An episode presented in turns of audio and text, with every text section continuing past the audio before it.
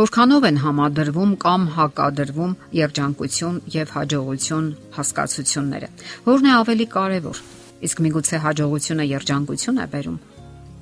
Հասկանալի է, որ երիտասարդները ձգտում են ունենալ երկուսն էլ, սակայն որքանով է դա հաջողվում, ամեն մեկն ինքը կարող է տեսնել իր կյանքում։ Պարզապես հարկավոր է իմանալ, որ ձգտելով հաջողության, հաճախ բաց ենք թողնում երջանկությունը, կյանքը վայելելու փոքրիկ թե մեծ ուրախություններով ապրելու հնարավորությունները։ Երիտասարդները խիզախումների առաջամարտիկ են։ Նրանք բոցավառում են նորարարությունների կայծը, ցանկանում են լինել առաջինն ու միակը։ Երբեմն իհարկե դա չի ստացվում, սակայն նրանք չեն հուսահատվում եւ թևաթափ չեն լինում։ Երբեմն վրիպում են ընտրության հարցում, սակայն դա էլ հիմք չէ, որ հուսահատվեն եւ այլևս չգնան փորձարկումների որովհետև կյանքն ինքը փորձարկումների երկար շղթա է։ Կարիք չկա հիասթափվելու եւ համբերատար սпасելու, թե երբ ենք ծերանալու եւ փակելու հաշիվները կյանքի հետ։ Ավելի շուտ պետք է որսալ կյանքի հետ ակրքիր ու հաճելի պահերը։ Ինչն է բավականություն պատճառում ձեզ։ Առանց խաթարելու ձեր կենսական արժեքներն ու խղճի ձայնը։ Շարունակեք ապրել։ Կյանքի կանոններից մեկը հետաքրքրասեր լինելն է, որոնելն ու գտնելը Կլինի հաջողություն թե ոչ, այնքան էլ էական չէ։ Շատ ավելի կարևոր է ուրախություն զգալ հենց միայն ապրելու փաստից։ Կարողացեք նաև ճիշտ հարցեր տալ։ Ձեզ հարցրեք. Ինչ եմ ցանկանում անել կյանքում։ Ինչ եմ ցանկանում ամենից շատ։ Ինչն է երջանկացնում ինձ ով եւ ինչն է օգնում ինձ հասկանալու, որ կյանքը լի է հնարավորություններով։ Ճիշտ հարցերին տրված ճիշտ պատասխանները կօգնեն, որ հարուստ փորձառություն ունենաք եւ ճիշտ հետևությունների հիման վրա ապրեք երջանիկ։ Մի հետաձգեք ապրելը։ Հաջողություններին ձգտելն ու կյանքը դրան նվիրաբերելը հաճախ վերացնում է երջանկությունը։ Հաջողությունները հազիվ թե երջանկություն ապարգևեն, իսկ ահա երջանկությունը կարող է հաջողություն բերել։ Մենք շատ ենք կարդացել կյանքում հաջողությունների, նվաճումների հասած մարդկանց մասին։ Նրանց կենսագրություններից པարզ է դառնում, թե որքան զոհաբերությունների են գնացել նրանք, աշխատել են անմարտկային լարվածությամբ, անքուն գիշերներ են լուսացրել, աշխատել են գիտակցությունը կորցնելու աստիճան, լիովին անտեսել են սիրելիների, կողակիցների, երեխաների, ծնողների եւ այլոց շահերն ու պահանջմունքները։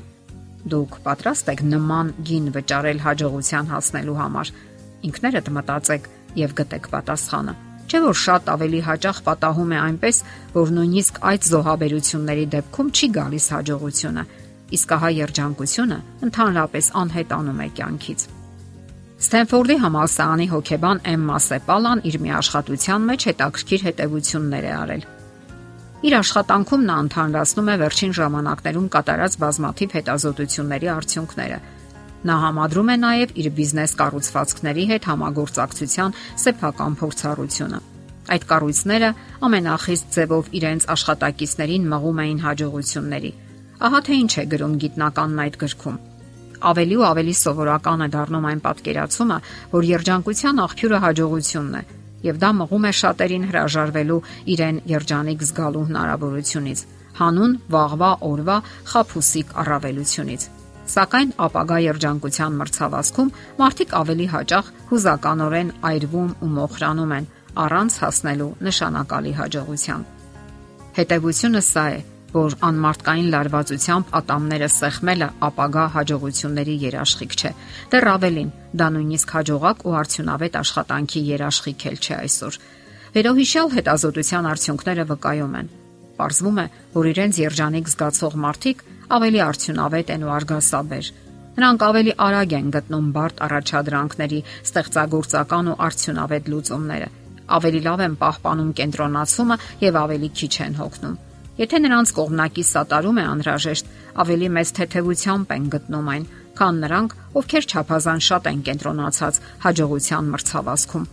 Փորձելով ամփոփել, կարելի է միանշանակ ասել, որ հաջողությունը երջանկություն է բերում բանաձևը գլխի վայր շրջված է։ Եվ ժամանակն է վերադարձնելու այն իր բնականon վիճակին, փոխելով պատճառի ու հետևանքի տեղերը։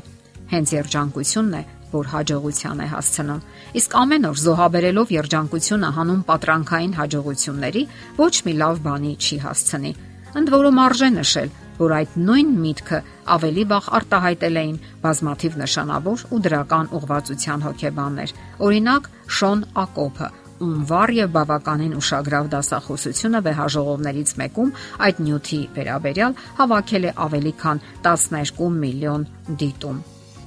Այսպիսով, ինչ խորհուրդ են տալիս հոգեբանները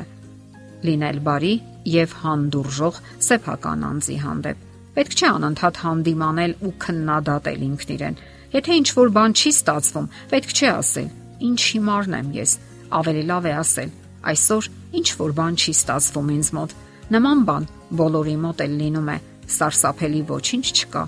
եւ մի մոռացեք շնորհակալություն հայտնելու մասին։ Հաջողությունների դեպքում ապարքեվատրեք ձեզ։